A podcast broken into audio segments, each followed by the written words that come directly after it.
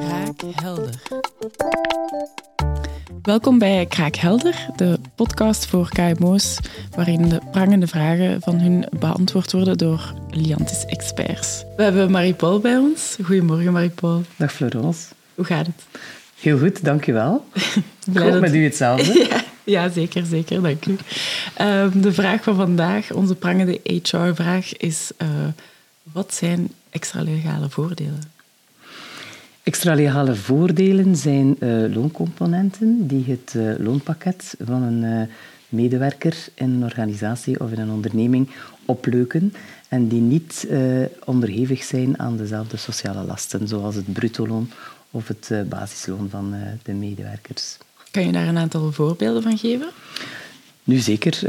eh, het aantal zeer populaire zijn daarbij bijvoorbeeld het, het gebruik van maaltijdchecks, ecochecks, eh, allerhande supplementaire verzekeringen zoals groepshospitalisatieverzekering, ehm, groepsverzekering, maar ook eh, het mobiliteitsopties zoals tegenwoordig heel populair de e-bike of eh, elektrische fiets te koer. En ook de wagens zijn nog altijd wel een heel belangrijke component in een loonpakket. Maar ook tools zoals laptop, gsm, tablet.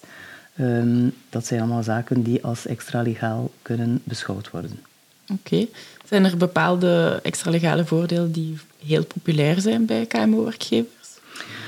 Eh, zoals ik daarnet zei, is mobiliteit toch wel een eh, serieuze opmars bezig. Zeker het, eh, het, de fietslease wordt toch zeer regelmatig toegepast, zien wij, als een component in het loonpakket.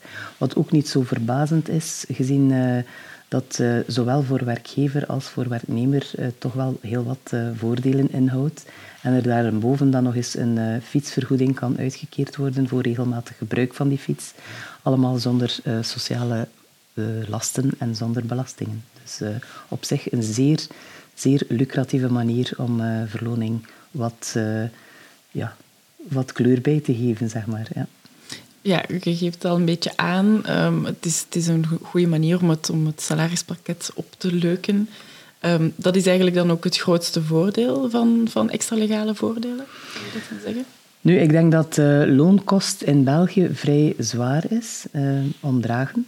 Vandaar dat, eh, dat ik denk dat eh, het belangrijk is dat werkgevers kijken in het, eh, voor het beschikbare arsenaal van eh extra-legale middelen die er zijn om loonpakketten een stukje eh, te gaan diversifiëren. En eh, ik denk dat... eh, dat, daar eerst de, dat men, men daar moet eerst kijken om al die zaken uit te putten, alvorens dat men verder schakelt op het gewone reguliere basisloon. Nu, het basisloon moet ook wel voldoen aan de minima voor een functie. En liefst ook wel marktconform zijn. Maar ik denk naast het basisloon dat eh, die extra legale componenten toch wel heel belangrijk zijn. En dat gaat ook wel verder dan enkel de component op zich. Het kan ook gaan om bijvoorbeeld een stukje vrije tijd. Ik denk bijvoorbeeld aan extra legale eh, verlofdagen, die soms ook worden toegekend door werkgevers. Dus niet alles laat zich daarvoor vatten in eh, baar geld, maar het kunnen ook voorwaarden zijn die een stukje als extra legale looncomponent, zeg maar, tussen aanhalingstekens, kunnen gehanteerd worden. Oké.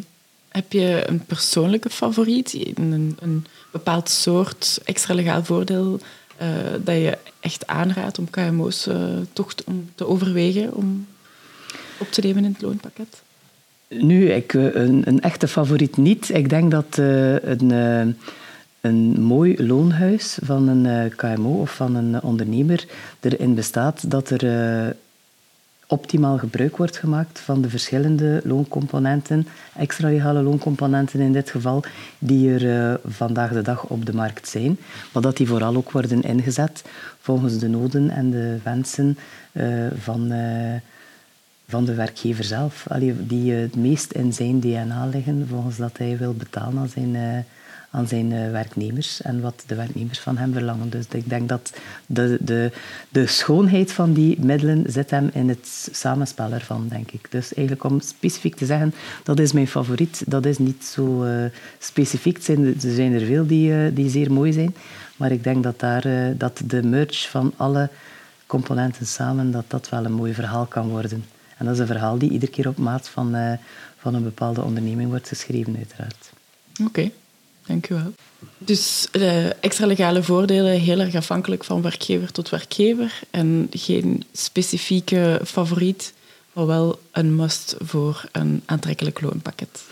Een must voor een aantrekkelijk loonpakket, zeker denk ik. En vooral in te zetten volgens de wederzijdse noden van werkgever en werknemer.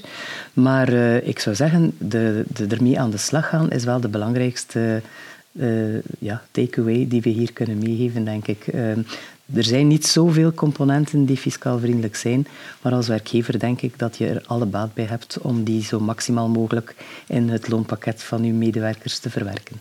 Oké, dankjewel. Deze aflevering van Kraakhelder zit erop. Uh, er komt snel terug een nieuwe aflevering aan met een even prangende HR-vraag die beantwoord wordt. We gaan het dan hebben over marktconform loon. Uh, wat is het? Hoe implementeer je het als KMO-werkgever? Enzovoort. Uh, met de gast Marie-Paul. Um, dus luister zeker naar de volgende aflevering en dan zeker graag terug. Heb jij zelf nog een HR-vraag die je heel graag wil beantwoord zien worden door een van onze Liantis-experten? Stuur die dan zeker door naar liantis.be slash kraakhelder of via een DM van onze Instagram kraakhelder.podcast. Tot de volgende keer.